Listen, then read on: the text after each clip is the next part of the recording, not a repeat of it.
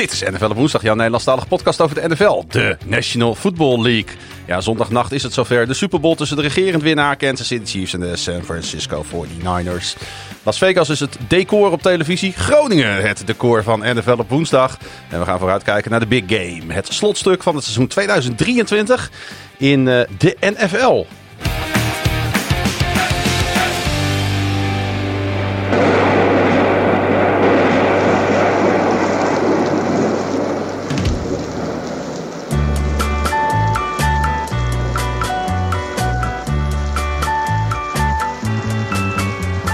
Zachtjes stikt de regen op mijn zolderraam.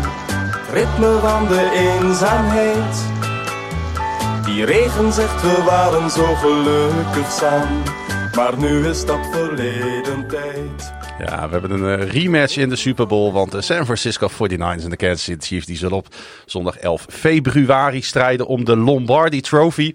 En dit is de tweede keer in vijf seizoenen dat deze teams elkaar treffen in de grote NFL-finale. De Chiefs en de 49ers zijn de twee teams die de afgelopen vijf jaar steeds een diepe playoff run hebben gemaakt. San Francisco ging in die periode naar vier Conference Championship games en de Chiefs naar vijf. Verschil tussen de 49ers en Chiefs zijn hun recente Super Bowl titels. De Chiefs zijn de huidige dynasty in de competitie, wonnen twee Super Bowl titels in de laatste vier seizoenen. En willen het eerste team worden sinds de New England Patriots in 2003-2004 dat op herhaling gaat. De 49ers hebben in die periode de Super Bowl gehaald. Maar verspeelden een voorsprong van 10 punten in het vierde kwart tegen de Chiefs in Super Bowl 54. Wat hen hun eerste kampioenschap sinds het seizoen 1994 kostte. Zo, ik ben nog niet helemaal goed bij stem, merk ik. Nee. Uh, ja, terwijl uh, inderdaad uh, de regen zachtjes hier tegen het zolderraam klettert. Want het is noodweer buiten werkelijk. terwijl wij deze Super Bowl preview opnemen. harte, van harte welkom Pieter in ons nederige podcaststudio. Dankjewel. Ik, ik voel me ook heel welkom hier. Hoe is het met je? Goed hoor. Het is... ja, ach, we slepen ons er weer doorheen. Zo'n zo'n maar nu die Super Bowl dichterbij komt, heb je er uh, wel een beetje zin in? Ik, jawel, maar weet je... Het altijd is... die Groningse, dat Groningse optimisme in deze podcast. Dat is, dat is altijd fijn, ook voor die mensen die gewoon... Helemaal, helemaal wild enthousiast ja. zijn. Ja, nee, kijk, nee, het, het, wordt... Ik, ik denk wel dat het echt een hele leuke wedstrijd is. Uh, ik had uh, misschien toch liever een andere matchup gezien. Maar eigenlijk is dit ook wel uh, de meest verdiende matchup, denk ja. ik, nu we... Meer als een week na de Championship Games verwijderd zijn. Dit is volgens mij geen goede nee, Nederlandse klopt, zin. Uh, helemaal. Maar meer, meer dan een week verwijderd. Maar in elk geval denk ik dat we, dat we er wat, wat zakelijker naar kunnen kijken. En wat objectiever. En um, ondanks dat dit dus niet de door velen gedroomde matchup was. Uh, of misschien beter gezegd, uh, de door vele mensen minst gewenste matchup was, uh, is het, ja, het is gewoon wel terecht ja. dat deze twee teams te staan.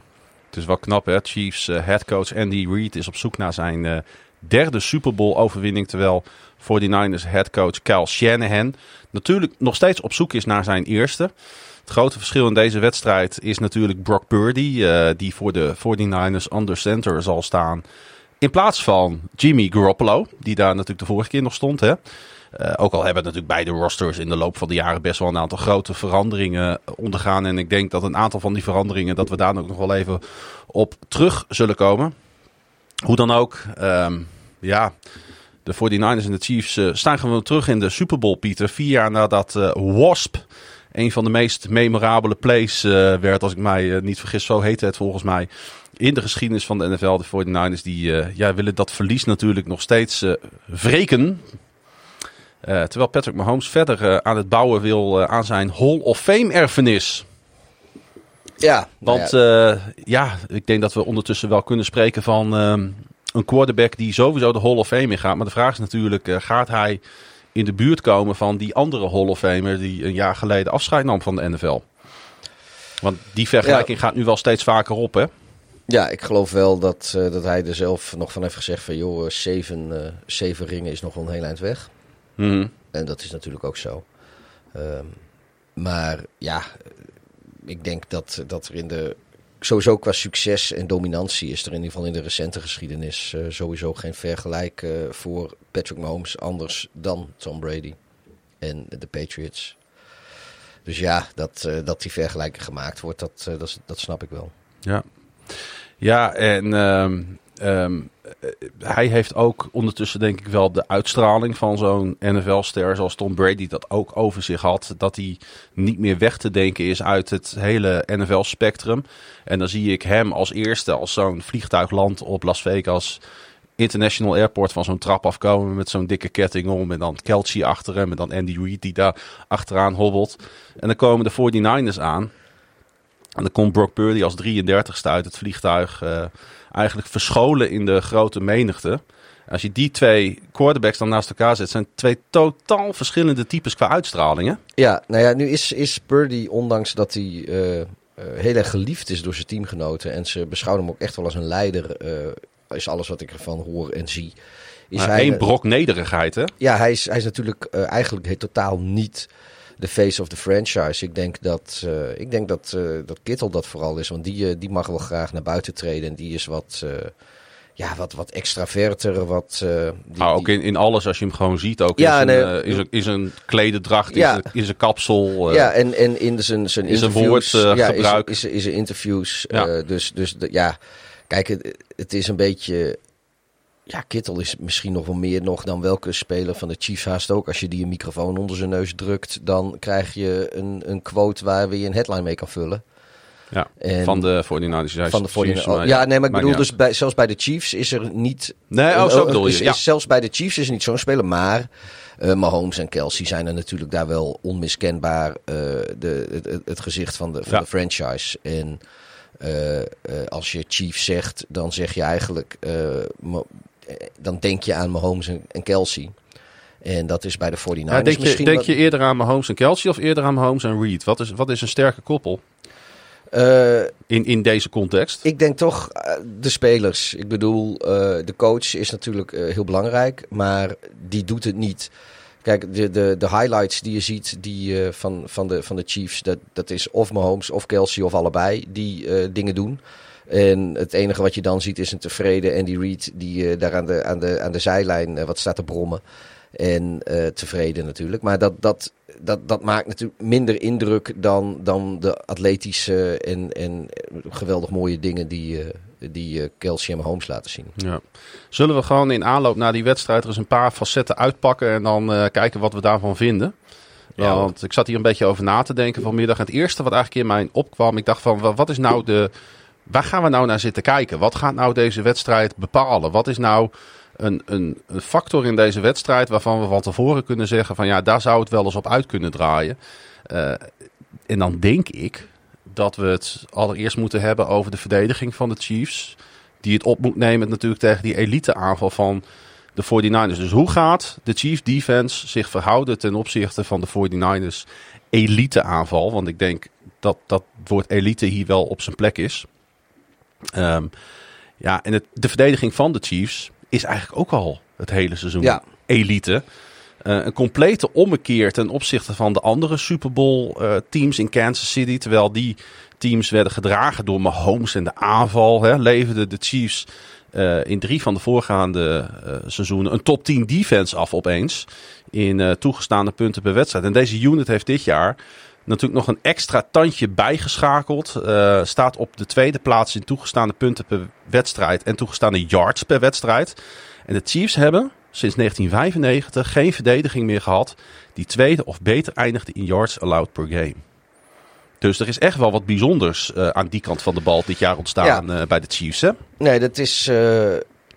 ja, voor het eerst denk ik ook in de, in de Mahomes-era is het de verdediging geweest die ze, die ze bepaalde wedstrijden doorheen heeft moeten slepen uh, in het uh, gedurende het seizoen. Terwijl zij nog alle handen bezig waren om allerlei problemen op te lossen ondertussen. Ja, dus dat, uh, Het is voor Mahomes ook wel heel prettig hoor. Dat, eh, dat, dat hij niet meer altijd degene hoeft te zijn die het moet doen. Ja. Dat, eh, dat iemand anders het ook een keer voor hem kan doen. ja. Want hoe goed is deze defense? In jouw ogen?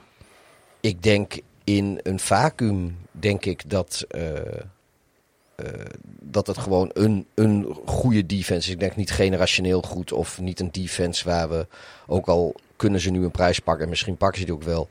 Denk ik toch niet dat wij eh, over 10, 15 jaar nog praten over die defense zoals we over, over de 2000 Ravens nog Nou. hebben gesproken. Of de, de, Dat is grappig dat je dat zegt. Nee, ik, ik, weet, weet, denk wel dat ik weet waar je naartoe wil. En hetzelfde geldt met, met Iron Curtin van, eh, eh, van de Steelers uit de jaren 70. De, de 85 Ja. Bears, noem ze allemaal maar op. Maar, Of de 2005 eh Steelers. maar het punt is, dat waren teams allemaal die offensief niet zo gevaarlijk waren als dat de Chiefs zijn. Dus daar waren het ook echt alleen. da- daar moest de verdediging het ook echt doen. Eh, die verdedigingen hadden het ook lastiger. Eh, denk ik, omdat zij dus niet de steun kregen van een offense die, eh, ondanks dat het offensief wat minder seizoen is, die ze nu bij de Chiefs wel eh, kunnen geven. Dus offensieve steun voor de defense. En ja, ik denk dat dit vooral een, een dit team gewoon profiteert van elkaar. Dus de, de defense die kan profiteren van dat, je, dat, dat teams nog steeds bang zijn om tegen Mahomes en Kelsey en Reed en zijn offensive schemes daartegen te moeten spelen. En eh, voor de offense is het heel prettig dat als een keer wat niet lukt, wat ook regelmatig gebeurde dit seizoen, dat de defense niet Hmm. meteen van alles weggeeft. Ik denk dat je gelijk hebt dat het inderdaad niet generationeel is. Maar als je dan hebt toch over het, hè, wat ik net noemde, het aantal punten wat ze hebben toegestaan dit Mhm. seizoen. Eh, ze hebben in elke wedstrijd minder dan 28 punten toegestaan. Het eerste team in de geschiedenis van de NFL dat dit deed in 20 wedstrijden in een seizoen. En de vier teams in het Super Bowl tijdperk die 19 keer 28 of minder punten toe- toestonden in één seizoen, wonnen allemaal de Super Bowl. Dus de, inderdaad, de 2000 Baltimore Ravens, de 2002 Tampa Bay Buccaneers, de 2005 Pittsburgh Steelers en de 2010 Green Bay Packers. En dat is natuurlijk wel. En nou zijn er, en daar gaan we ook nog we komen nog wel terug, wat minpuntjes in deze defense. Want het aantal punten wat je toestaat zegt niet altijd alles. Dat moeten, we- moeten niet dit één op één dan plakken op een Super Bowl, aanstaande Super Bowl winst of zo van de Kansas City Chiefs. Maar ja, als je deze vier teams er dan naast, naast zet. En dan ook nog eens bedenkt dat dit team wel een quarterback heeft die generationeel is. Nou ja, Dan ja, zijn ze natuurlijk wel bloedgevaarlijk. Nou, dat zijn ze sowieso. Maar eh, ja, nee, dit, tuurlijk. Dit, juist hebben ze- en juist hebben die combinatie maakt ze gevaarlijk. En maar- hebben ze ook nog de twee topscoring offenses in de playoffs. De Miami Dolphins en de Baltimore Ravens hebben ze Ja. monddood gemaakt. Ja, nee, dat klopt. En, eh, maar ik denk ook weer, in ieder geval met die wedstrijd van Baltimore ook weer in het achterhoofd. Dat is dan ook weer omdat ze, eh, eh, die tegenstanders bang zijn voor die aanval. En ja, dan gaan we dus weer terug naar dat eerdere vergelijk. Niemand die tegen de 2000 Ravens speelde was bang voor de eh, Ravens aanval. Dat, dat tuurlijk, eh, dat was wel een, een redelijke aanval, anders kom je überhaupt nergens. Maar dat was niet waar teams bang voor waren als ze tegen Baltimore moesten spelen. Nee. En eh, ja, dat is, dat is denk ik wel een verschil. Dus ook nu, ja, die defense is, is goed en is gevaarlijk. En daar moet je echt serieus rekening mee houden. Maar je kijkt toch vooral aan hoe je de offense kan stoppen. Hoe je Mahomes en, en Ja. eh, kan stoppen. En nou, dat zag je in die wedstrijd tegen Baltimore ook. Die, die Kelsey, ja, joh, die, die- de meest onmogelijke ballen vangt hij alsnog op, op, op, op, op third of, of misschien zelfs fourth down. Waar, waar je eigenlijk al tegen ieder ander team denkt van, nou, nu gaan wij weer eh, lekker aan de aanval. Nee, huppatee, wordt er weer geconvert. De- ja, dat, dat, dat is denk ik veel, veel belangrijker en veel lastiger. En toch is Kelsey natuurlijk niet het enige verhaal van deze aanval. Hè, Als je naar de... Eigenlijk, kijk, eh, de Mahomes en Reed zijn de belangrijkste redenen dat de aanval van de Chiefs weer op gang is gekomen. Hè, met z'n tweeën. De een natuurlijk met de gameplan en de ander natuurlijk met de uitvoering. Maar de wederopstanding van de aanval kan denk ik niet worden verteld zonder, eh, wat mij betreft, de twee X-factors in deze aanval. Dat zijn Pacheco en eh Rasheed Rice. ja, Ehm, Pacheco heeft 451 rushing yards in de laatste twee postseasons eh, voor de Chiefs genoteerd in zes wedstrijden. Het op vijf na meeste voor een speler in de geschiedenis van de NFL. Voor de, zoals de luisteraars Na twee horen trouwens, het regent hier behoorlijk. Ja, daarom. Ja, eh, dat- vanuit daar, vandaar ook de intro. vandaar ook het intro muziekje. Maar ik, ik hoor hem zelf ook heel, heel erg door de koptelefoon heen. Ja, dus als u geruis hoort op de achtergrond, het is eh, de regen die neerklettert hier eh, in Groningen-Zuid. Misschien moet ik toch een studio in een kelder doen in plaats van op een zolderkamer. Ja, maar een zolder kan, een kelder kan overstromen en een zolder niet zo snel. Ja, maar dat horen ze op de, in de podcast niet als wij met natte voeten zitten. Nee, dat is, nou ja, ik denk dat, alsof jij dan niet gaat lopen klagen. Mis- misschien. Ehm, maar even om eh, toch het belang van die Pacheco aan te geven. Dat, dat hij toch elke keer weer floreert op het moment dat het moet. En, en, en ehm, Pacheco, dat is dan wel grappig. Hè? Ik, heb, eh, ik zat even te kijken naar de stats. Ja, met pijn natuurlijk in mijn ogen. eh, Naar, die, naar de stats uit de AFC Championship game. Pacheco had een gemiddelde van slechts 2,8 yards per carry in die, Ja. in die AFC Championship game. Maar hij raakte de bal niet kwijt in die wedstrijd. En hij scoorde een touchdown. Ja, nou met, met, met alle respect voor, voor Pacheco en Rice. En ze zijn inderdaad belangrijk. Want ja, zij zijn opgestaan omdat heel veel andere spelers. En dan noem ik eh, een Kadarius Stoney bijvoorbeeld. eh, dat niet deden. Eh, dus, dus uiteindelijk zijn dat er spelers ook een beetje waar. zoals, zoals Rice, een beetje waar ze bij terecht zijn gekomen. Mede vanwege het falen of het niet beschikbaar zijn van spelers hoger in de pickorde. En Pacheco. Ja, die doet hele belangrijke dingen. Zeker. Maar ik weet niet of Pacheco nou eh, eh, qua talent en kunde nou zo'n unieke speler is. Ik denk dat iedere, iedere fatsoenlijke eh, back in de NFL eh, voor de Chiefs eh, had kunnen doen wat Pacheco doet. Het enige wat hij wat hij wat hij echt heel goed doet is wat je net terecht zegt, is zijn balvastheid. Ja. Maar Nou ja, kijk, hij is natuurlijk, en dat komt natuurlijk, de- kijk, dit heeft natuurlijk alles met Mahomes te maken. Hij is niet een primaire third down eh, back, zoals je die vaak in de NFL ziet. Eh, eh, hij krijgt gewoon niet genoeg mogelijkheden dat doet, vanwege de passing ability van Mahomes. ja, nee, dat klopt. Maar, maar je, je mag. eh, je- ja, weet je, Maar hij is wel een third down back. Weet je, hij, hij heeft gemiddeld dit seizoen eh, op third down. Heeft hij op 15 carries heeft hij 7,1 yards gemiddeld gerend. Ja, en dat is natuurlijk omdat iedereen als de dood is dat Mahomes die bal gaat gooien.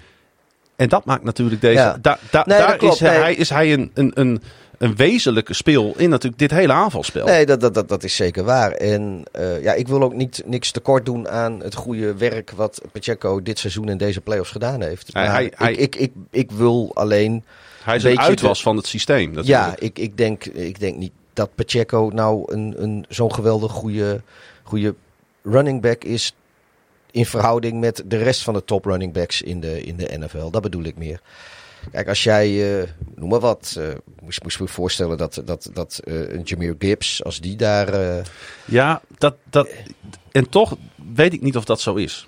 ik, ik, ik denk Want dat je- Pacheco voor, voornamelijk profiteert Wat zou Gibbs van, tot zijn van het systeem. Zou Ch- Chiefs zo tot wasdom zijn gekomen bij de Kansas Chiefs als dat hij in Detroit is geweest? Is gekomen? Dat weet ik niet, want de, Chiefs spelen echt een ander spelletje als je het hebt over eh, personeel en als je het hebt over schemes en als je het hebt over hoe de running back in dienst staat van eh, de schemes van, van, van Mahomes nou ja, eh, of, of, door de of, lucht. Of, of een Montgomery.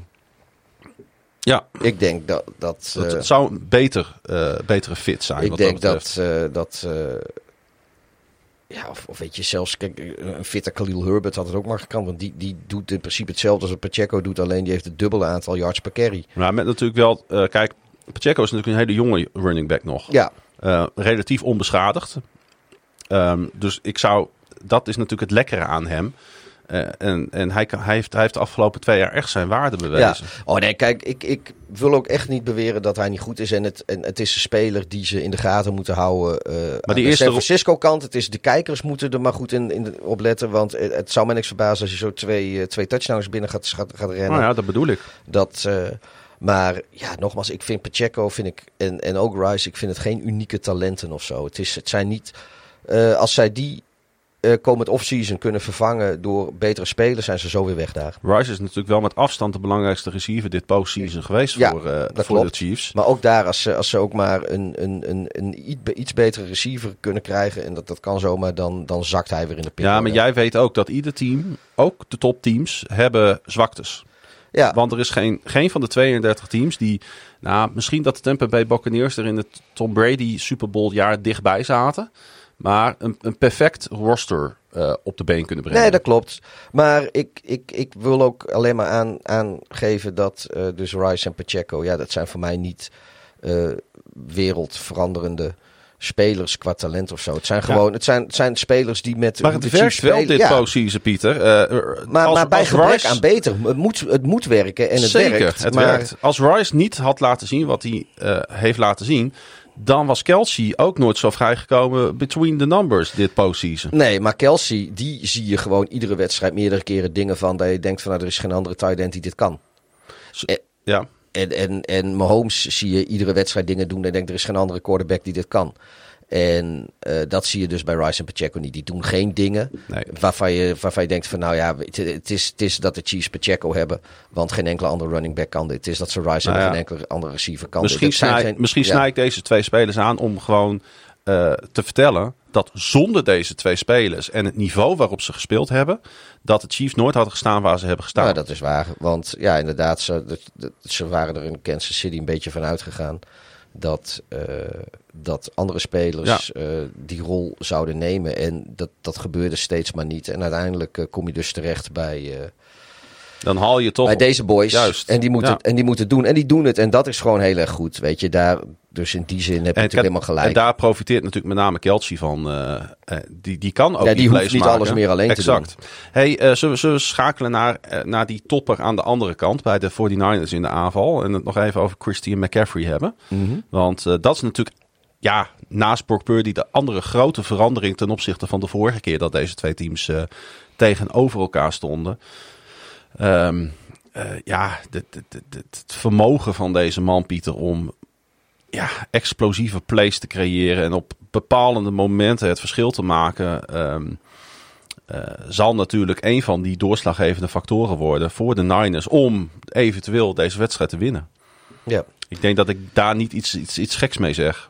Nee, eh, ik denk dat het is in de, de dreiging van McCaffrey. Die moet ervoor zorgen dat, dat andere spelers ook meer kunnen gaan laten zien. Ja. En, en je ziet ook dat sinds, sinds McCaffrey er is, dat, dat zo Debo Samuel bijvoorbeeld ook een stuk gevaarlijker geworden is. Eh, hij was natuurlijk altijd al heel gevaarlijk. Maar nu is hij, heeft hij de bal niet meer zo vaak als dat hij had. Maar eh, als hij hem dan heeft, het kan beter gedoseerd worden. En eh, En dat is natuurlijk ook wat helemaal past binnen het systeem van Shanahan. Want ehm, ik zag een quote van hem. Hij zegt, ja, het is moeilijk om consistent te winnen in deze league als je niet met de bal kunt rennen. Eh, hè, zei Shanahan, Cal Shanahan. Het maakt niet uit hoe goed je passing game is. Het maakt niet uit hoe goed je verdediging is. Het maakt niet uit. Je kunt het soms voor elkaar krijgen. Maar de meest consistente manier om te winnen is om gebalanceerd te zijn. En iedereen onder druk te zetten. We houden ervan om vast te kunnen houden aan de run game. Zodat mensen het wel moeten verdedigen. Dan wordt alles een beetje makkelijker. Als mensen je run game kunnen stoppen zonder dat ze zich daarvoor te hoeven te committen, wordt het een stuk moeilijker. ja, Dat Nee, dat- eh, zei Shanahan voorafgaand aan deze wedstrijd. En daarmee wordt natuurlijk ook gelijk al duidelijk eh, in hoeverre de. Want we hebben het over Pacheco gehad als be- belangrijke pion. Maar McCaffrey is natuurlijk nog een veel belangrijker running back voor de, voor, voor die Niners dan Pacheco ooit voor de Chiefs zal zijn. Ja, en dan zit je ook inderdaad, kijk, zo'n zo McCaffrey, dat is ook eh, weer zo'n speler. Die zie je dingen doen waarvan je denkt, welke andere running back kan dit? Ja, eh, dat klopt. Eh, hij leidt ook zijn team Hij is- hij- natuurlijk. ja. hij, Hij- leidt zijn aanval. Ja, hij is gewoon een, een uniek talent Ja. en misschien wel de beste running back in de league op het moment. Of in ieder geval top 2, top 3 ho- zo, sowieso. En ja, die kan een hele goede case maken dat hij eh, misschien wel de beste is. Nou ja, hij is gewoon de NFL rushing leader. eh, Ja. Ja, nee, in yards eh, en in yards from scrimmage dit jaar 2000 plus. Ja, nee, dus- dus dat, dat, dat, dat is ook... Dus de cijfers ondersteunen dat. En ja, dat. ja, en dat, dat, ja, hij is gewoon inderdaad echt zo'n uniek talent. En, Maar hij eh, is ook de motor van deze aanval, weet je. Ja, maar hij, Eh, hij, het hoeft ook niet. Weet je, hij kan door de lucht ook zoveel. Ja. Weet je, hij kan alles. Hij kan, hij kan quarterbacken, hij, hij kan de ballen vangen, hij kan de ballen gooien, hij kan met de ballen aan, de nou, wandel. Ik denk dat de uniciteit zit hem in het feit dat McCaffrey net zo gevaarlijk is in de backfield als dat hij opgesteld staat Ja, als precies. receiver. Ja, En dat is een zeldzame combinatie natuurlijk eh, in de NFL. Ehm, hij, hij was dit seizoen goed voor 29% van de aanval van San Francisco. Ja, nou, ja, met elf man in het team. Er is maar één speler eh, die, zes, die, eh, die eh, meer, meer verantwoordelijk is geweest voor de to- total offense van een team. En dat is Purdy. Nee, nee, nee, niet in de NFL. Oh, League oh, breed oh, van oh, 32 oké, sorry. teams. Is dus hij voor 29% is hij verantwoordelijk voor de total offensive yardage van, van zijn team. Alleen Brees Hall van de Jets is voor 31% eh, verantwoordelijk voor zijn aanval. Ja, Nou, weet je, dus maar hij... dat, die, die heeft dat ook een beetje bij gebrek aan beter. Ja, en deze man heeft nog wat andere pionnen om zich heen staan. Die, Ja. die, die, waar hij dat eigenlijk van afpakt. om, het, eh, om het maar zo te zeggen. Ehm, ja, hij is natuurlijk eh, oktober 2022 toch even op terugblikken. met die mid-season trade, weet je nog, van de Carolina Panthers naar, naar, naar San Francisco gekomen. Ehm, als je nou nu in hindsight zeg maar terug moet kijken op die, op die trade. eh, heb- hebben de Panthers daar nou wel goed aan gedaan? De, voor, dat de 49ers daar goed aan hebben gedaan, dat, dat is evident. Maar zou het nog steeds pijn doen, denk je, daar in Charlotte? Ja. Want de, dit generationele talent Nee, op de ze- stoepstep zetten, dat, dat ze- is ze toch hebben- niet meer te vergoeilijken na, Nee, na de laatste jaren? Ze hebben er sowieso een puinhoop van gemaakt. Eh, want, want inderdaad, ze, ze treden zo McCaffrey weg eh, alsof ze een, een fire sale doen midden in het seizoen. Eh, vervolgens gaat het toch niet zo slecht als, dat, als dat ze dachten. Ik geloof Deontay Foreman, die ging geloof ik... daarna heeft hij ook een uitstekend seizoen, rest van het seizoen gehad daar in Carolina voor een, voor een running back. Dus uiteindelijk hadden ze geloof ik de achtste pick in de draft. Eh, vervolgens hebben ze nog een keer wat wapens en draftpicks weggetraind om toch weer naar nummer 1 te gaan. Wat heel raar is, want je gaat dus de, een van de beste spelers in de league, eh, zeker op die positie, treed je weg midden in het seizoen. Eh, nou, dat doe je Ja. omdat je eigenlijk je team een reset wil Dan geven. heeft, dan heeft Washington het beter gedaan dit jaar. Ja, maar, dan, maar vervolgens ga je dan aan het eind van het seizoen, ga je in plaats van dat je dus eh, nog meer draftkapitaal gaat, eh, gaat verzamelen om, om verder te gaan met die reset, ga je weer nog weer spelers weggeven en draftkapitaal inleveren. Om een quarterback in een compleet uitgekleed team neer te zetten. En dan denk ik, ja jongens, waar, waar ben je nou mee bezig? Hm. Als, als ze dus, ja weet je, as is verbrande turf.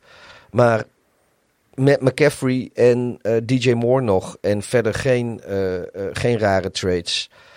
Ja, hadden zij uit misschien nu ook wel ergens top 3 kunnen pikken. Hadden ze vorig jaar ook ergens een quarterback vandaan kunnen toveren. En misschien niet de absolute top van de klas. Maar dat zegt ook niet alles.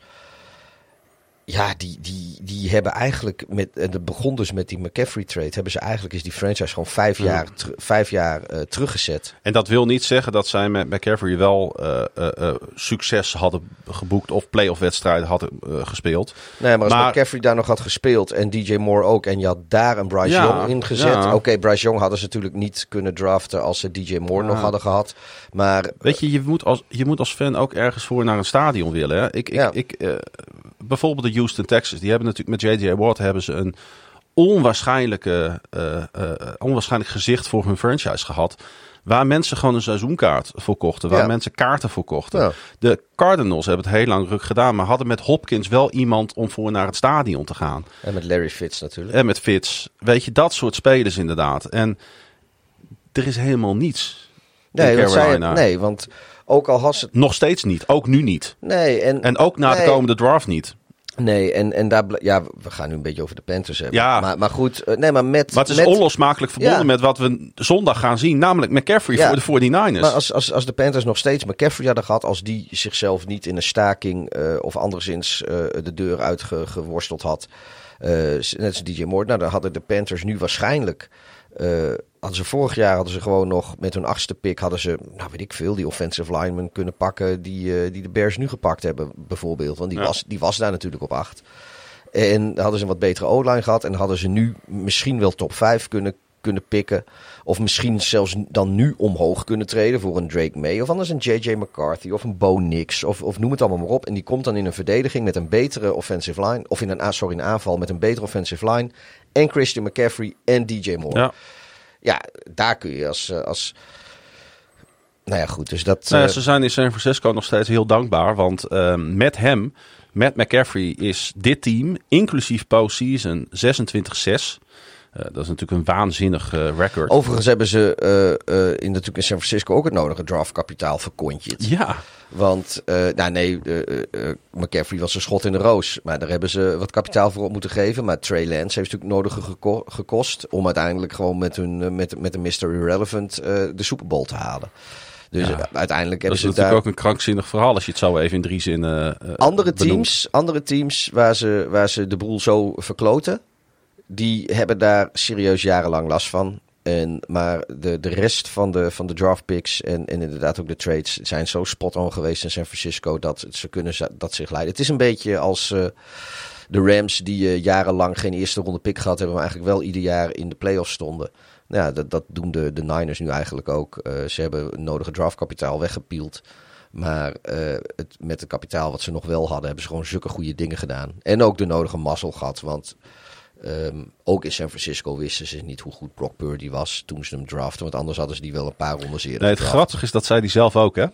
Hij Ja. zei zelf ook, ach, ik ben niet voor niks op die plek gedraft. Ja. Dat vind ik, vond ik een heerlijke opmerking. Ja, dat is ook zo. Maar, maar dat is ook, eh, weet je, op een gegeven moment is het, en dat geldt natuurlijk ook voor Tom Brady, die destijds als 199ste ge- gedraft werd, wat iedereen wel weet. Het is echt niet dat ze bij de Patriots iets in hem zagen wat de rest van de league niet zag. Of, eh, eh, en dat geldt voor Purdy natuurlijk net zo.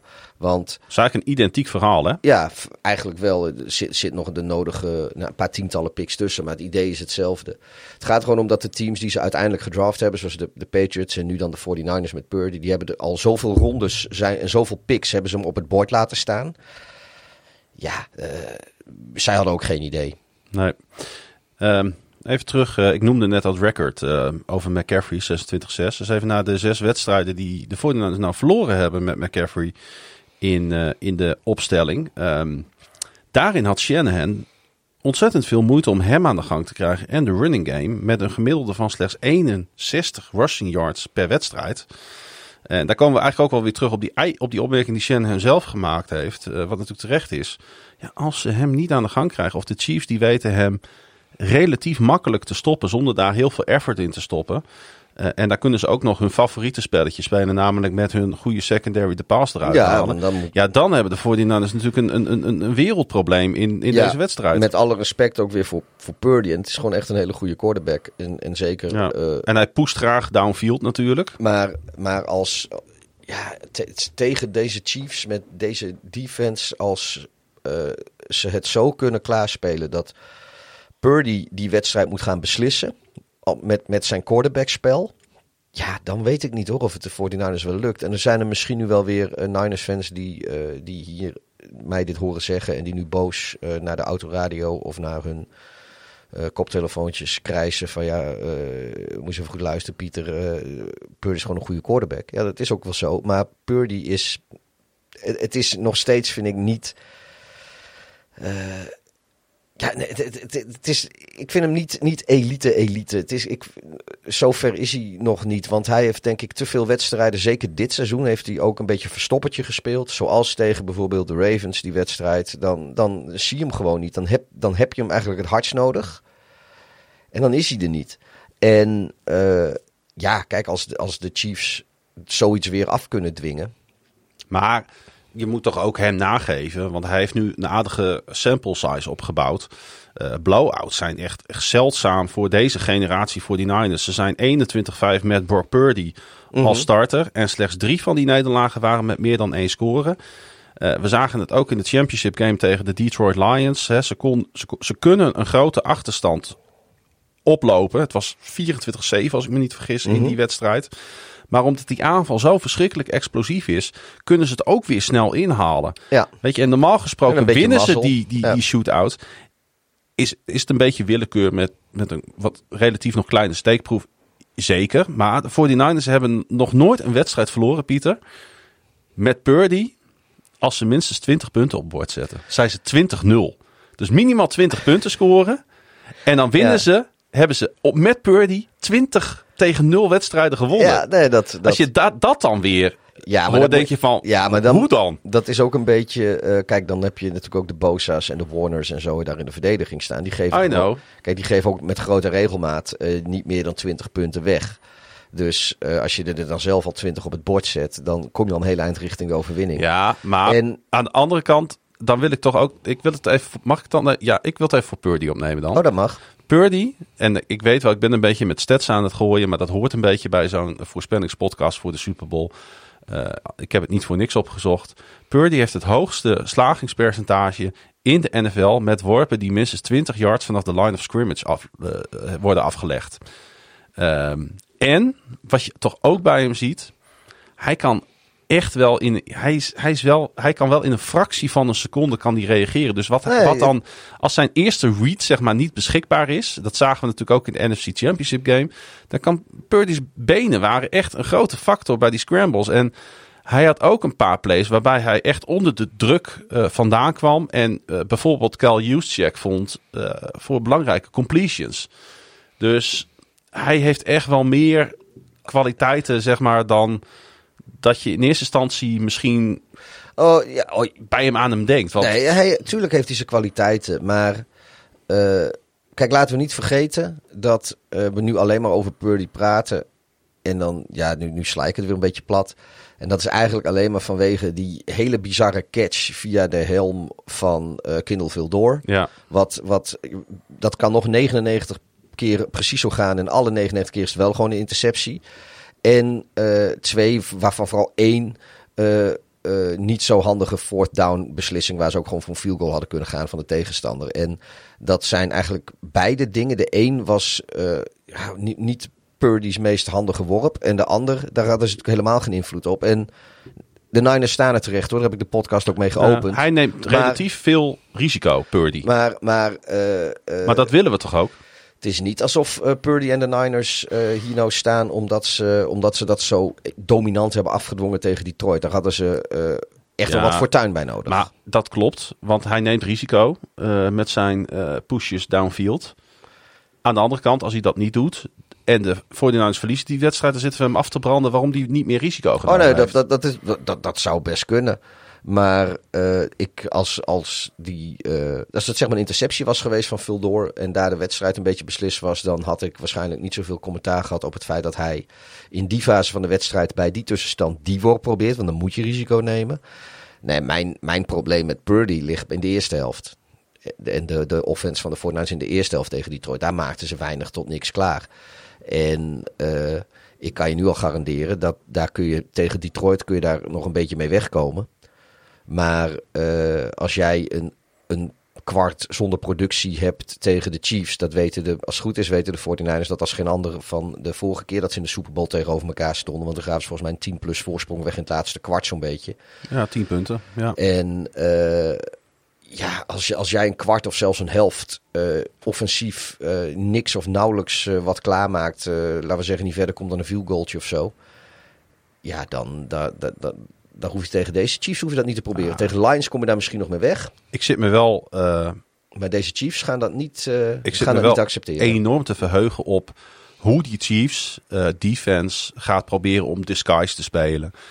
Ze gaan natuurlijk hun safeties laten roleren om Purdy in verwarring te brengen en tot fouten te dwingen.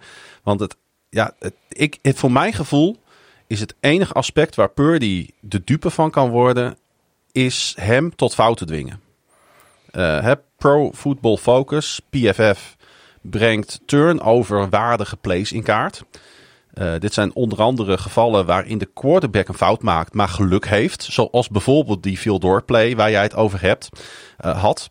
Onder de 39 quarterbacks met tenminste 200 dropbacks dit seizoen staat Purdy's percentage turnoverwaardige plays op de 14e plaats, 3,5%.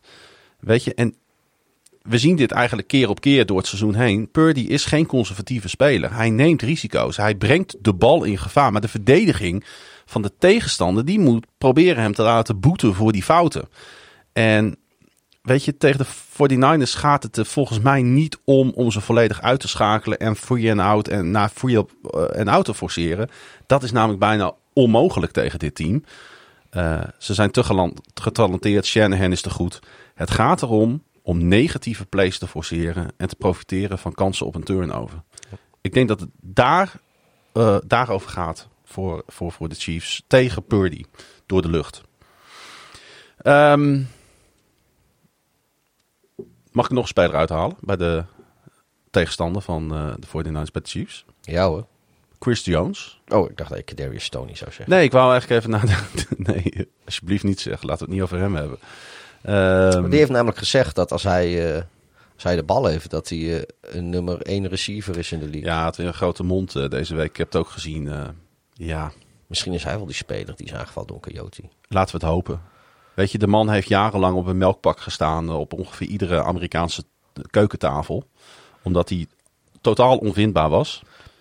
Misschien, eh, misschien als een coyote zijn handen eraf heeft gebeten, kan hij ook geen bal meer. Ja, weet je, weet je, zal dus zien hè, dat, dat, dat Kadarius Tony een, een, een, nu een touchdown gaat vangen komende zondag.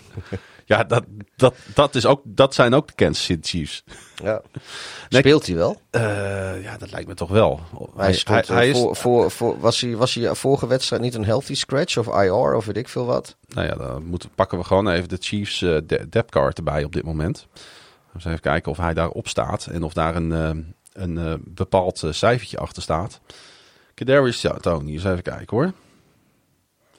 Nee, ja, hij staat gewoon als healthy staat hij op de, op de chart op dit moment. Oké. Ja, als, als stelsel als derde receivers hebben natuurlijk Rice, Justin Watson. En daarna komt hij. Dus als, als zij met een three wide receiver set spelen, dan staat hij gewoon op het veld. Of als eh, WR2-3 in de, in de rotatie. Terwijl ik dan denk van ja, dan zou ik toch eerder voor McCall Hartman en Veldes Scantling gaan dan voor Tony. Maar goed. Het zal eh Reed wel lukken om daar eh, denk ik een eh, goed plan voor te maken. Nee, ik, ik, ik, ik zat... ik, heb hem eh, hier, ik heb hem hier helemaal niet staan, joh. hij staat in de, op de depth chart staat hij als derde wide receiver bij mij. Ja. Mm, mm, ja, ja. Ik denk dat... eh, Alleen Sky Moore en eh Nicky eh, Remigio staan op injured Ja. reserve als wide receivers bij ik, mij. ik denk dat wij, ga ik in ieder geval zeggen, MVS heeft meer snaps dan Tony. Dat denk ik ook. 100%. Ja. Ehm, En Nicole Hartman heeft waarschijnlijk ook meer snaps dan Tony. ja, dat denk ik ook. En, Tony en- gaat een touchdown vangen. En, en, en, en, Rice en Watson ook. Dus ik denk dat hij in de praktijk staat hij helemaal, is, is hij denk ik eh, vijfde receiver of zo. Ik geloof niet dat er nog heel veel vertrouwen is in hem. Dat eh, denk ik ook niet, nee. nee. Ehm, ik wou het toch nog even over die defense hebben van de Chiefs en daar Chris Jones uitpakken. Want de 49ers moeten natuurlijk wel een plan hebben om proberen die defensive tackle Chris Jones eh, te, te, te blokken. Kan wel eens zijn laatste wedstrijd voor de Chiefs worden. Jones, volgens mij is hij free agent straks. Ja, dat zou zomaar kunnen. Maar eh, hij was toen even twijfelgeval tegen de Ravens. Eh, hij heeft toch gespeeld. Ja, die, die man is in zijn eentje in staat om hele set of downs Oh ja, te nee, verwoesten. die, eh, die, die wil je erbij hebben. Ja, ja zijn, zijn, zijn 32 quarterback hits zijn 13 meer dan elke andere Chiefs-speler dit seizoen. Ehm, en wat ik het mooie vind aan Jones is, hij wordt op verschillende plekken neergezet. Dus wat ze met safeties doen, dat doen ze eigenlijk ook met, eh, met, met, met defensive tackles. Die, die, daar, daar disguisen ze mee, daar roleren ze mee, daar, eh, daar schuiven ze mee. Ehm, ik denk dat Kansas City hem gaat opstellen tegen de right guard van de 49ers, John Feliciano. Eh, of de right tackle, Colton McKivitz. Ehm, en de andere speler die de Chiefs natuurlijk nodig hebben, dat is die andere, eh, eh, ja, die andere gigant, die defensive end. Dat is George Karlaftis. Karlaftis heeft een team high 13 sacks geproduceerd. Ja, en ik denk tegen die McKivitz, die heb ik een beetje in de gaten gehouden de laatste tijd. Ik denk dat ze een hele gunstige matchup hebben tegen hem. Dus ik denk dat ook hier de Chiefs de overhand hebben. Ik kom zo meteen nog wel even terug op de trenches. Want ik denk dat uiteindelijk je kunt praten wat je wil over. En het is heerlijk om het even over McCaffrey te hebben. En over George Kittle en over die quarterbacks. Maar wij weten allebei, Pieter.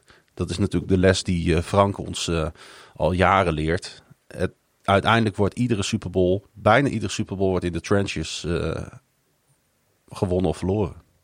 Ja. Ehm, als je nou zo een beetje hier, we hebben hier nu drie kwartier over gepraat. eh, we gaan zo een beetje, een beetje richting het einde van, eh, van de podcast. Eh begin je er dan ook alweer wat meer zin in te krijgen? Dat je denkt van, oh ja, dit is, er zijn toch wel heel veel interessante Ja, nee, matchups en ja. facetten. En, als, en, als wedstrijd is, is en die is twee coaches, interessant. Als- ja. Ik, het is alleen, ja, ik, ik had, ja, ik had graag andere. Ik, ik wil wel zo'n andere, andere Super Bowl winnaar zien. Of een andere Super Bowl in plaats van. Weet je, we hebben natuurlijk al. eh weet ik hoe vaak dat, eh, dat, het, dat we eigenlijk zo'n beetje altijd de Patriots er wel in hadden. En nu is het eh, de Chiefs heel veel. Ja, ik vond bijvoorbeeld de, de, de Rams-Bengals Super Bowl was qua matchup vond ik dat geweldig. Wat is het, drie jaar geleden ondertussen alweer, twee jaar geleden. Ja. Vond ik gewoon hartstikke mooi, want dat, dat waren twee teams. Ja, de, Rams natuurlijk ook nog wel met, met, met Goff tegen de Patriots erin gestaan. Maar goed, dan heb je de, de, de, de Bengals erbij. Dat vind ik gewoon leuk.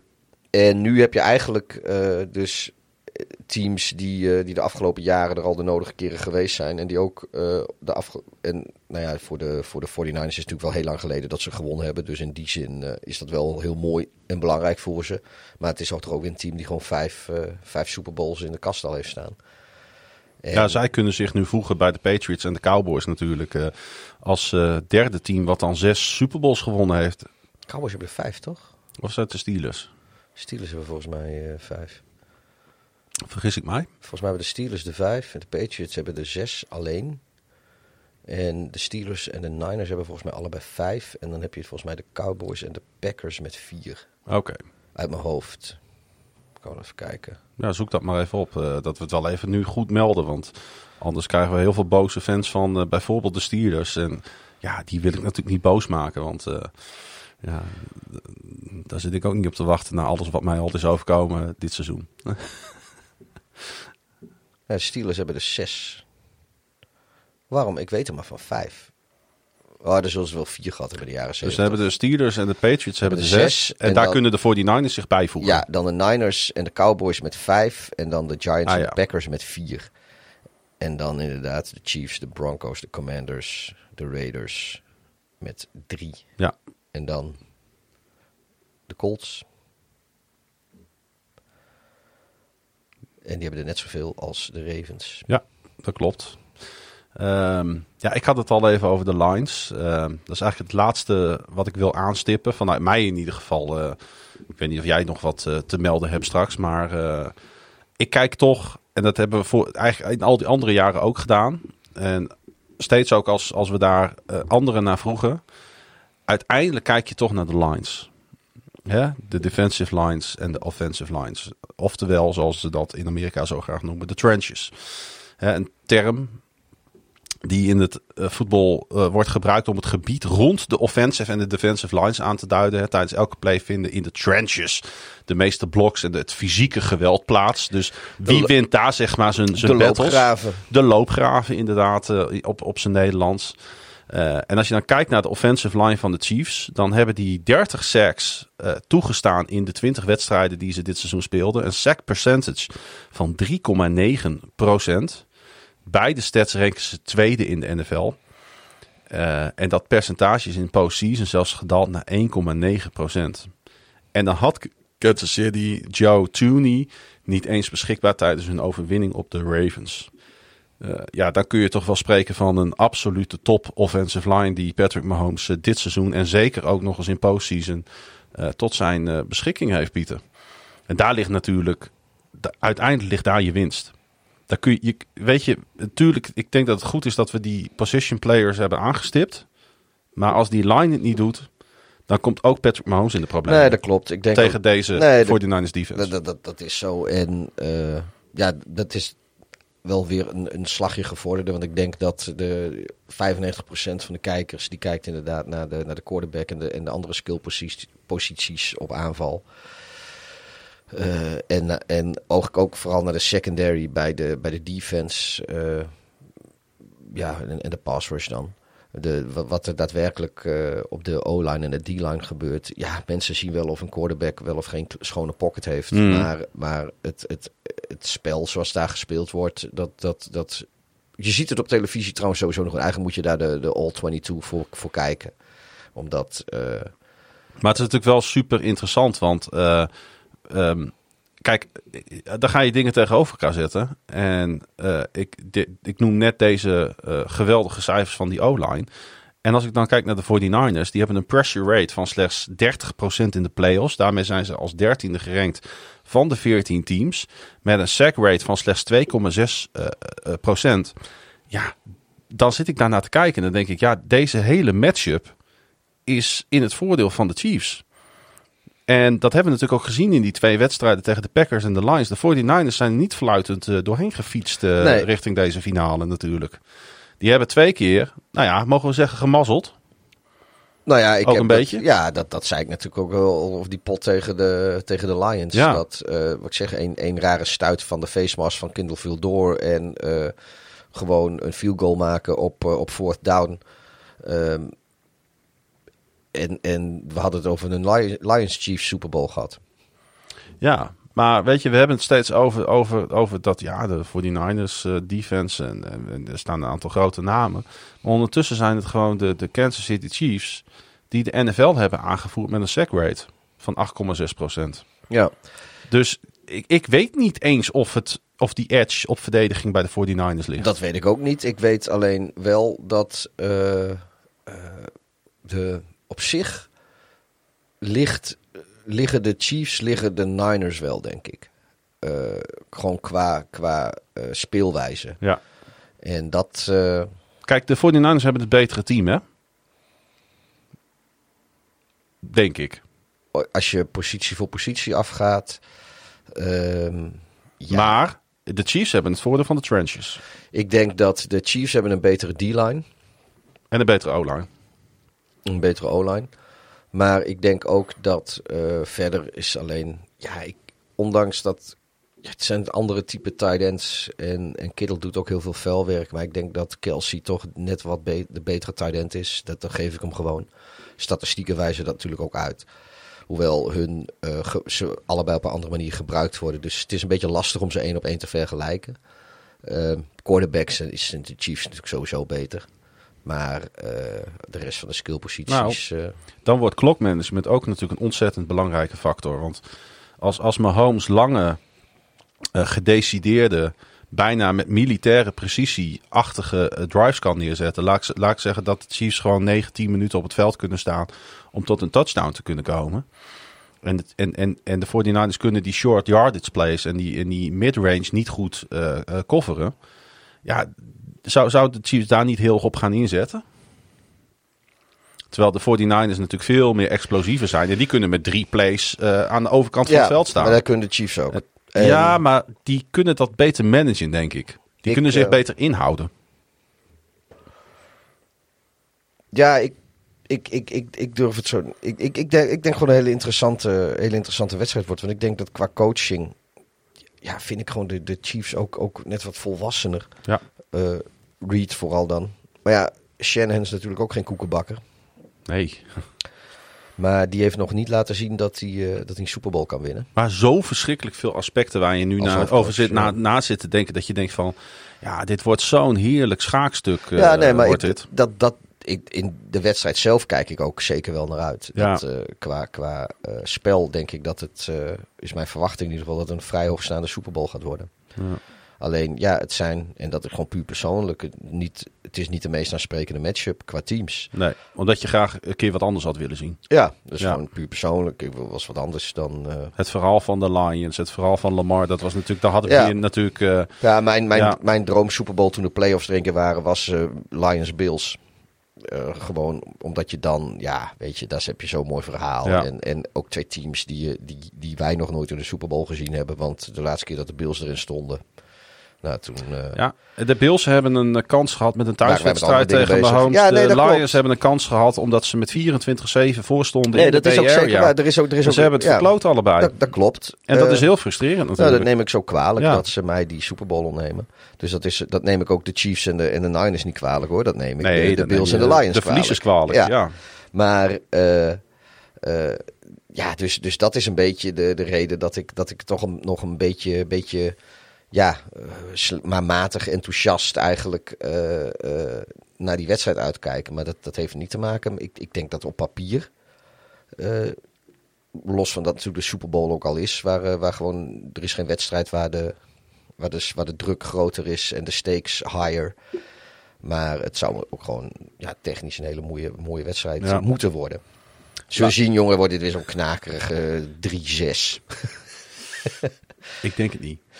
Hey, eh, dat geklaag van, eh, van San Francisco over dat trainingsveld. Ja, Wat vind jij daarvan? Want Goodell heeft gezegd dat is helemaal niet waar. Maar volgens, eh, volgens de 49ers hebben zij een heel kloterig trainingsveld. ik vind het allemaal zwak gelul richting een Super Bowl. Ik, eh, ik vind als jij eh, uit San Francisco komt en je bent in Las Vegas om te trainen. En jij bent, jij, jij bent niet tevreden over de trainingsfaciliteiten. En je hebt ook echt een punt. Dus, dus even ervan uitgaande dat, dat dat ook echt zo is. Zou kunnen. Dan zou ik gewoon als. eh, heb ik ook makkelijk zeggen hier vanuit Groningen. Maar dan zou ik gewoon eh, al mijn spelers weer in het, in het vliegtuig zetten. Het is maar een, een drie kwartier vliegen van Las Vegas naar San Francisco. Dus zeggen we, nou, we gaan op onze eigen trainingsveldje spelen. En we vliegen zondagochtend wel, eh, wel weer naar San Francisco. En al die media, nou, die mogen ons facetimen. Of ze vliegen ook maar even naar San Francisco. En als Roger Goodell met een boete komt, dan tikken we die gewoon af. Eh, wij gaan lekker thuis trainen. Het is vlakbij.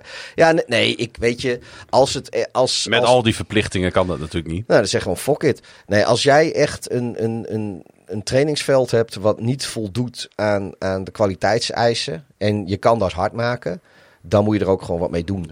En als je er dus niks mee doet, dan is het of gezeik in de marge. Die paar vanilla snaps die je deze week nog speelt, jongen, waar hebben we het over? Ja, nee, maar goed, dat, dat, dat, dat- nogmaals, als jij, weet, ik kan me nog herinneren Ik- dat, ik- dat ik- WK in, als ik in coach was Korea en Japan. Weet je dat WK nog? Jazeker. Toen had Ierland, die had op een gegeven moment, die hadden een, eh, eh, die hadden een trainingsfaciliteit toebedeeld gekregen van de FIFA. En eh, ze zijn daar voor het eerst op aan het trainen. En er liggen overal gewoon eh, keien in het gras, of stenen. De, de oranje vrouwen afgelopen WK, die moesten op een veld trainen waar ijzeren platen in lagen. Ja. Kwamen ze achter. Nou ja, goed. Maar ik weet dat, dat Ierland, die heeft toen, ja, nou die zat bij de FIFA wat te klagen. En daar gebeurde maar niks mee. En als ik het een verhaal goed herinner, was het uiteindelijk Roy Keane. Die, die natuurlijk bij Manchester United speelde toen. Die heeft toen met Manchester United, eh, heeft hij daar naartoe gebeld, gewoon naar zijn club. En die heeft gezegd van, joh, zus en zus en zo. En die hebben weer con- contact in Azië. En toen kregen ze een ander trainingsveld, want eh, de FIFA gaf geen gehoor. Maar die zijn toen gewoon ergens anders heen gegaan. Nou, dan is Ierland wereldkampioen geworden. Nou, nee, dat niet. Nee. Maar volgens mij is, is, is Roy Keane uiteindelijk nog eh, naar huis gestuurd ook, datzelfde toernooi. Want heeft ruzie gekregen met iedereen. dat is eh, volgens mij waar, ja. En toen heeft hij Ja, ook ja, weer ja, met ja. Manchester United gebeld. Want eh, de Ierse voetbalbond die kon geen vlucht terug voor hem regelen. Heeft hij ook weer naar United gebeld. Van joh, ik sta hier ergens in, eh, in Korea en ik wil, eh, naar, ik wil naar huis. Kun je wat fixen? En dan een half uur later, eh, is van, nou, je kan daar en daar tickets ophalen. We hebben het gefixt voor je. Als ik coach was geweest van de 49ers, had ik niks over gezegd. Ja, het is een beetje... Ik had alle afleiding willen vermijden. Ik, en toch denk ik wel dat, eh, dat ze misschien wel een punt hebben. Want ik doe, doe me ook weer denken aan eh, die soap vorig jaar met, eh, over, over het gras, over het veld van waar de Super Bowl gespeeld werd. Dat was ook allemaal niet goed. En toen weet je nog dat die, dat die treinman, die grasmeester, dat hij toen op zijn falen kreeg. Omdat allemaal spelers, voornamelijk van de Eagles, dat die, dat die steeds uitgeleden. Terwijl hij had gezegd, van, luister, het is hartstikke goed gras, maar eh, je moet het niet sproeien. En toen, je moet dit en dit en dit moet je doen als je het ingezaaid hebt. En de hele nauwkeurige ons, instructies had hij gegeven. En de NFL die heeft gewoon, nou we hebben gras, gras nu ingezaaid. We gaan het eerst eens even lekker sproeien. Nou dat was dus wat je niet moest doen. Daar is wat rot in gekomen en dat hele veld was kloten. Maar dan denk ik, dan heb speel je de, de grootste wedstrijd in, in de, de, de met afstand de rijkste league. We hebben het wel eens gezegd dat de, omzet van Mm. de NFL die is groter dan La Liga en, en de Primera Division en de Premier League en de Formule La, 1 La, Liga, samen. La Liga en Primera Division is hetzelfde. Of, hè? eh, nee, sorry, ik De bedoel... eh, Primera. Division is- sorry. is de La Ja, Liga sorry, nee, geworden. sorry, La Liga en de Serie A. Sorry, eh, de- Ja, nee. dit kon ik niet laten gaan. La Liga en de Serie Ja, A ja, ja, ja. en de Premier League en de Formule 1 samen. En dan, en dan kun je niet eens eh, voor je grote finale een fatsoenlijke grasmat regelen. En dus in die zin geloof ik ook wel dat, dat, dat ze misschien de boel ook wel ver- verkontjerd hebben met, eh, met een trainingsveld. Maar je hebt gelijk hoor, als het... Of het is echt heel beroerd en dan moet je als team gewoon zeggen van ja, sorry, hier kunnen we niet trainen en dan fixen we het anders. ging over of je houdt je mond. Het ging over een soft underground. Toen dacht ik van... Echt, Nou, met- ze nou, hadden het erover dat het was kunstgras, wat het was te vergelijken met MetLife. maar nou hebben... Ja, het was een MetLife field. Maar En- nou, nou hebben wij... ja, kijk, weet je, ik was bij, bij Titans Ravens eh, en ik zag ook wel dat, dat, dat die mat die daar op, op, in Tottenham eh, Stadium ligt... Ja, dat is niet ideaal wat daar ligt. Daar wordt een tijdelijke mat voor twee wedstrijden neergelegd. Ja, die dat- mat die ligt er altijd. Ja, maar, Daar zit een grasmat maar da- zit er da- overheen. daar werd ook over geklaagd. ja. Ah, Maar wat, weet je, nou hebben we het hier over. Terwijl de, de, de, de grootste wedstrijd van het seizoen eraan zit te komen. Ja, nee, maar dat is dus, nogmaals, dat Daar is hou, mijn daar punt. hou ik gewoon niet zo van. Als het, als het trainingsveld, als de trainingsfaciliteiten echt zo slecht zijn, dat jij als team Nou, dan moet je daar niet aan, dan moet je opstappen. Ja. Wat ik net zei, dan stap je up en zeggen, gaan we naar San Francisco. Dan kan de NFL ze wel beboeten, maar moet je eens kijken wat voor rel je dan krijgt. Ja. En, eh, en als, als het niet zo erg is dat, dat, dat jij eh, eh, dus acuut daar niet meer wil trainen, joh, hou het dan binnen kamers en ga met die NFL regelen van, joh, kunnen we Ja, ergens anders heen, dit vinden we niet fijn. Of hou gewoon je bek en ga gewoon trainen, Ja, weet je. Dit is, Er is vast wel ergens in de omgeving van Las Vegas een grasmat te vinden waar je een paar snaps kan, eh, kan spelen. Nou, kunstgrasmat, zoveel. Oh wel, of ga gewoon op een golfmaan staan. Ja. Ik vind, nee, maar er, weet je, er, er, er is heus wel wat te regelen. En er zijn daar genoeg high schools en, en Ik dingen. vond het een beetje gelul eh, wat ik langs me. Ja, dat zeg ik. Als je, je kan er geen punt van maken als je verder niks doet. Precies. Hey, ehm, ik wil graag afsluiten met een gedachte over Mahomes. Eh tijdens zijn, ik heb het even op papier gezet, zoals een goed schrijver betaamt. Tijdens zijn meest productieve seizoenen Het verwonderde... ook candlelight muziekje Ja. van Sky Radio's van Jan van Veen. het is, is geen, ook, eh, moet het is de- geen poëzie. Ik heb Oh. gewoon even... eh, Ik, ik denk dat de Chiefs deze Super Bowl gaan winnen. En dat heeft alles met Mahomes te maken. Want tijdens zijn meest productieve seizoenen verwonderden wij ons over Mahomes vermogen om de 1% plays te maken. De Houdini-achtige ontsnappingen, de moeilijke worpen, de creativiteit en magie. Maar dit postseason was iets anders vereist. Mahomes heeft laten zien dat hij precies weet wat er nodig is om elke wedstrijd te winnen. En de playoffs zijn in veel opzichten bepaald door zijn focus op het vermijden van fouten. Volgens de grafieken van PFF heeft Mahomes in 114 dropbacks in de playoffs geen enkele dropback gehad die een turnover waard was.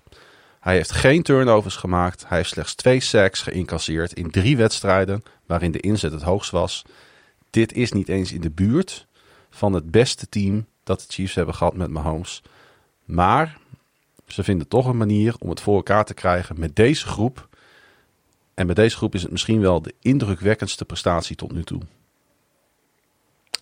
Ik denk toch dat het mooi was geweest met dat candlelight muziekje eronder. Nou, ik kan dat in postproductie wel even, eh, even doen. Nee, ik vind, eh, nee, dat, was nee, helemaal niet je bedoeld. ik, maar- gewoon, ik, zo, ik, ik hoorde hem in mijn hoofd hoorde ik wel dat ik- Nee, ik maar je zat- hebt gelijk. Nee, ik, zat hier je- gewoon over na te denken vanmiddag. En ik denk, ik denk serieus dat deze Super Bowl de indrukwekkendste Super Bowl run van de Chiefs is. Daar begint het mee. Ja, dat is denk ik ook waar. Zeker, na omdat ze de Bills en de Ravens. Ja. verslagen hebben. Ehm, en dat geeft mij zoveel vertrouwen in deze Chiefs. En met name in Patrick Mahomes. Dat het al helemaal niet meer uitmaakt hoe de 49ers voor de dag komen. Want ze weten toch wel een manier om te winnen. Die Andy Reid en die Patrick Mahomes met z'n tweeën. Dus eigenlijk moeten Daar ben ik eigenlijk ook een beetje bang voor. Want ik hoop dat de 49ers nu Ja. het tegendeel gaan Dus, dus bewijzen. eigenlijk, natuurlijk. eigenlijk zeg je van de 49ers kunnen net zo goed wel weer in San Francisco gaan Ja. trainen. En dan hoeven ze zondag ook niet meer terug te vliegen. Weet je, van, "Maar we blijven hier wel, we winnen toch niet. En ik hoop echt dat wij hier volgende week dit na zitten te beschouwen. En eh, dat, dat, dat, dat ik ongelijk heb gekregen dat de 49ers iets uit de hoge hoed hebben getoverd. Waar wij met heel veel plezier op terugkijken. En ergens heb ik ook de hoop dat de 49ers deze wedstrijd winnen. Eh, niet omdat ik het de Chiefs niet gun, maar omdat ik dan denk dat we een hele leuke Super Bowl gaan zien. Maar ik denk dat deze Chiefs eh, met dit duo zo onverslaanbaar is dat eh, het gewoon Mahomes is die met die Vince Lombardi trophy komende zondagnacht, als wij op de vroege maandagochtend in proefelijk al hooghout zitten, te knikkenbollen om een uur of vier, half vijf, dan denk ik dat wij hem gewoon weer die eh trofee eh, Is de shooters hoog in de lucht zien eh hijsen. Is de shooters dan nog open? Als de Super Bowl Nou, is? die zou dan misschien, die gaat richting dicht gaan aan, denk ik. Kunnen de mensen die een hotel hebben nog even met ons mee naar de shooters? Om even af te blussen. Ja, hoi.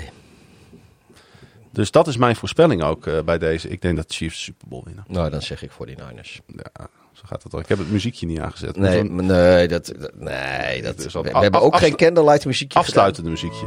De toekomst met al Ik wil, eh, ik wil het eigenlijk ook nog over één iemand hebben die eh, nog steeds, die we helemaal vergeten zijn te noemen. Die toch, eh, toch een belangrijke rol, eh voorname rol gaat spelen komende zondag. Taylor Swift. Ja. Ik zie We die hebben van jou. gewoon meer dan een uur hebben we het vermeden.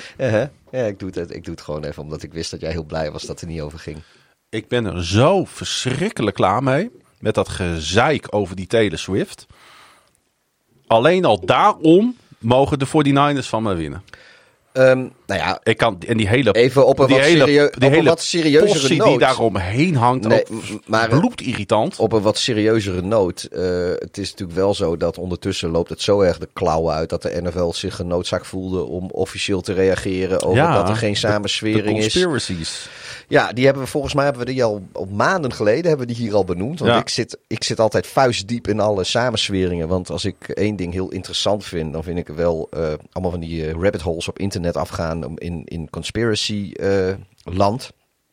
Ik eh, geloof er zelf meestal niet in, maar ik vind het wel heel leuk om te zien wat andere mensen, wat, wat voor belachelijke gedachtensprongen die kunnen maken. Dus ja, ik weet niet eh, wat dat over mij zegt, maar ja, ik vind het gewoon Dat ook een soort van duistere kant, hè? ja, nee, maar ik vind dat echt gewoon heel fascinerend hoe mensen kunnen denken en hoe mensen in alles wat er gebeurt een samenswering zien. En niks, niks is normaal. Ik bedoel, nu heeft die, eh, die, die, die Prins Charles eh, daar in Engeland, er is nu bekend geworden dat hij, eh, dat hij kanker heeft. Nou ja, dat van, ja, dat, dat kan toch geen toeval zijn, denk ik. Nou, weet je hoeveel mannen van zijn leeftijd op een gegeven weet je, dat, maar goed, dat, dat, ook dat is weer een, een enorme Illuminati-ding, maar dit dus ook. En de NFL en Goodell die hadden zoiets van ja, we moeten toch maar eens een keer gaan zeggen dat het niet zo is. Want ja, er zijn dus serieus mensen die verwachten dat het script was dat de Chiefs zouden winnen. En dat dan tijdens de huldiging zou Tra- Travis Kelsey zou, ja. zou, zou Taylor Swift een huwelijk vragen. En Ja. daarna gingen ze Joe Biden endorsen met z'n tweeën. Dat, Hou maar op. Ja, ik heb er een artikel over geschreven, dus ik weet er alles van. Maar- ik, maar- wou, ik wou het er gewoon niet over hebben, eh, Pieter. dat hoort ook bij deze Super Bowl. De Super Bowl is niet alleen is, de, maar het is de spelletje. arrestatie van de vader van Patrick Mahomes, eh, past dat ook in een eh, complottheorie? Nou ja, het- de, va- de vader van Patrick Mahomes heet Patrick Mahomes. Dus eigenlijk Senior. is Patrick Mahomes... Ja, dat zet ze nu wel voor de duidelijkheid. Maar die, je heet, die man die heette gewoon Patrick Mahomes. Want je noemt jezelf geen Patrick Mahomes senior... als je niet een zoon hebt die ook Patrick Mahomes heet. Nee. En eh, ik garandeer dat de vader van Patrick Mahomes... Het is geen kip-en-ei verhaal. Die, ik garandeer, die was er eerder dan Patrick Mahomes zelf. Dus Patrick Mahomes is gearresteerd. Maar oké, ik ga dit zo niet oordelend eh, zeggen als Nee, ik het zou kunnen Je mag zeggen. er best heel veel oordeel over hebben hoor. Als, als iemand voor, voor, de, voor, de, voor de derde keer... Maar hoe kun je met- een week voor de Super Bowl van je zoon met veel te veel drank op achter het stuur gaan zitten? In de wetenschap dat als je gepakt wordt, dat dat enorm groot in het nieuws komt. Ten En je- hij maakt trouwens ook hiermee kans, alsof het iets leuks is, maar eh, op, op eh, maximaal 10 jaar cel. Want het is niet de eerste keer dat hij Nee, het is zijn Hij derde heeft, keer. hij heeft ook al een keer hiervoor in de gevangenis gezeten zelfs. dit, is, eh, dit is in ieder geval zijn derde keer. Vol- Volgens mij sowieso zijn derde keer in Texas. Maar je bent sowieso een ongelofelijke lul als je met te veel drank op achter het stuur kruipt. Je bent een nog veel grotere lul als je dat meerdere keren doet. Want als je drie keer gepakt bent, nou, dan durf ik er wel van uit te gaan dat in ieder geval het een factor 10 vaker gebeurd is. En dat hij niet gepakt is. Dus hij doet het gewoon aan de lopende band, eh, zou ik haast willen zeggen. En je bent een nog veel, veel, veel grotere lul als jij eh, eh, een zoon hebt die, die, die, die de miljoenen bij elkaar harkt in een tempo waar, waar de honden geen brood van lusten. De, de, de, de dollars die klotsen daar letterlijk bij de plinten omhoog. Want ze weten van gekkigheid niet wat ze met dat geld allemaal moeten doen. Dan kun je mij niet wijsmaken dat je niet een, een Uber kan bestellen. Als je dan toch te veel gezopen hebt. Kijk, als, als je wat ik zeg, je moet sowieso niet met drank op in de auto gaan zitten. Maar eh, de, de familie Mahomes lijkt me ook niet zo dusdanig om geld verlegen te zitten dat ze een taxi of een Uber niet kunnen betalen. Sterker nog, ik denk haast als, als, als hij geen contact zou hebben met Mahomes of en geen geld op zak zou hebben en eh, hij belt een teamgenoot of gewoon de NFL, dan regelen ze nog wat voor hem. Want de NFL heeft liever dat die man gewoon thuis komt dan dit nieuws. Daar wil, daar wil de Goodell zelf nog wel een uurtje voor Ja. betalen. Maar ook nog in deze week, hè? Ook nog in, ja, nou, dat, dat, dat daar nog eens bovenop. Dus, Dus, dus, eh, dus die man, die wordt natuurlijk een keer in beeld genomen komen. Man is gewoon een lul. En daar wordt daar natuurlijk over gepraat. ja. Want op het moment dat die man in beeld komt, zeggen ze niet... hey, daar is de vader van Patrick Mahomes. Zeggen ze, oh, this is, this is Patrick Mahomes senior. He was arrested by the police. Dan krijg je dat verhaal. Ja, Nou, daar zit niemand op te wachten dat die man voor, voor een wereldwijd publiek natuurlijk nog eens een keer extra... maar misschien nemen ze hem ook wel niet in, niet in beeld hoor. Ja, of, gaan ze, ga- of gaan ze weer niet zeggen dat het een drankrijder is. Want dat is weer slecht voor de, voor de, voor de, voor de goede naam.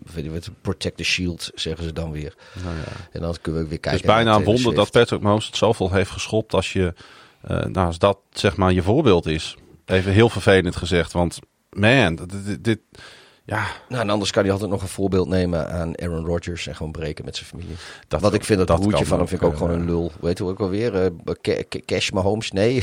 Eh, hoe heet hij nou? Ja, ik vind hem sowieso niet zo sympathiek. en ik vind ook die hele... Patrick Mahomes niet of die nee, familie Patrick niet? Mahomes niet. Die hele Ja, familie, die, die ja. hele postie die eromheen hangt, vind ik niet Ik, sympathiek. ik vind, ik vind Travis Kelsey vind ik wel gewoon... ja, ik, de, allebei de Kelseys hoor. Ik heb ze, ik heb vaak genoeg Oh. vervloekt. Maar ik, ik vind het klaar op. Ja, ik ben klaar met de aandacht die ze krijgen. Maar die Kelsey-broers, dat lijken mij op zich verder prima kerels. Daar zou ik best Ja. een avond mee in de kroeg kunnen zitten, denk ik.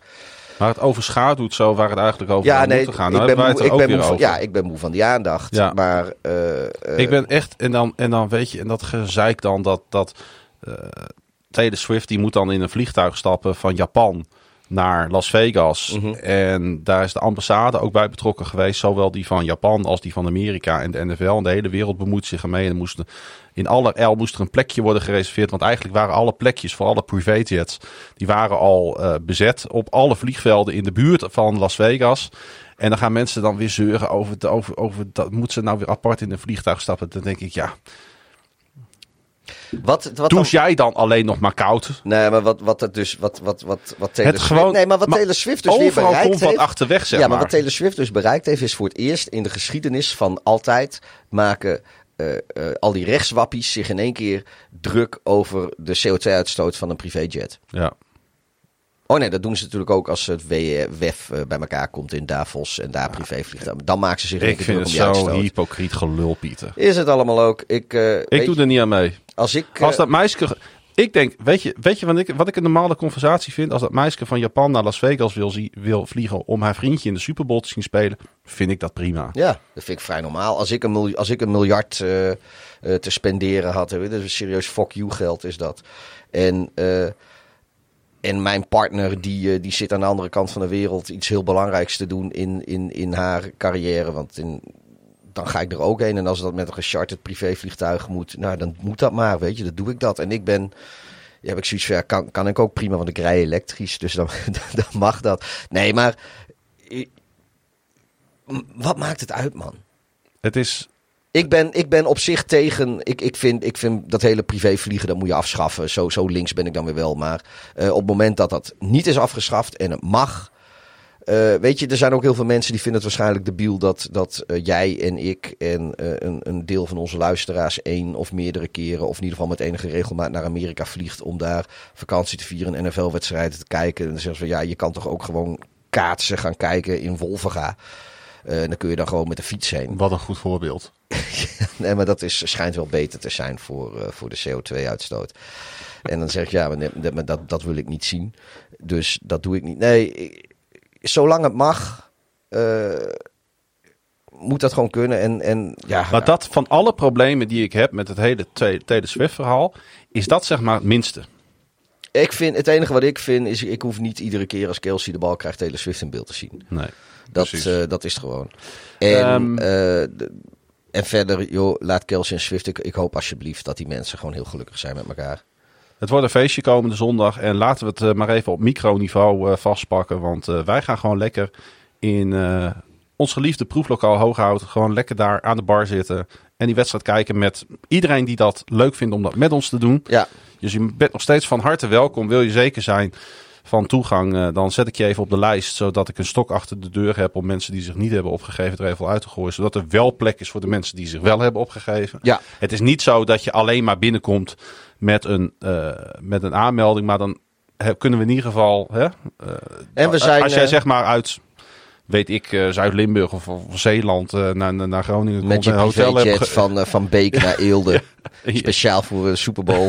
je hebt een hotel geboekt. nou, jou willen we dan, die mensen willen we Ja. niet de straat op sturen. En, en het is ook zo trouwens, we zijn omkoopbaar. Dus ehm, ik, ik kan niet uitsluiten dat degene met het mooiste cadeau sowieso ook binnen mag komen en er niet meer uit hoeft.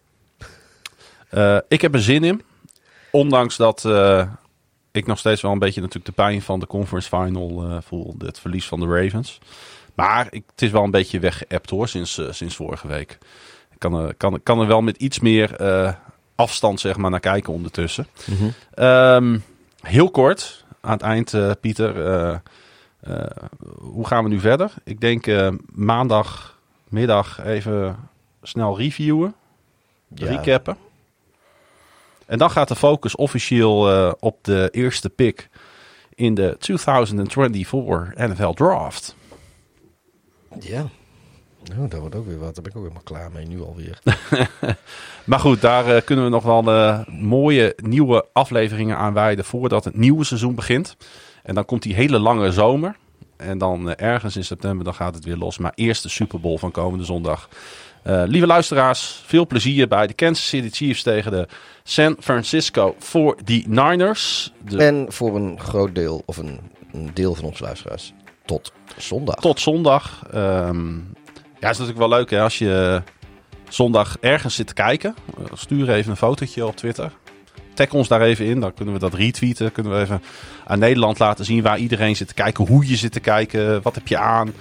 Eh, Ja, Dat, of op eh, Insta. We hebben toch ook, kun je, kun je, Instagram. her- kun je, kun je re-insta, Ja, maar her, liefst- her, hergrammen, hoe heet dat? Re-grammen maar het liefst op, eh, op, op, op Twitter. Oké, op Twitter. Die meldingen krijg ik binnen. Op eh, Instagram eh, kijk ik één keer per week eh, eventjes.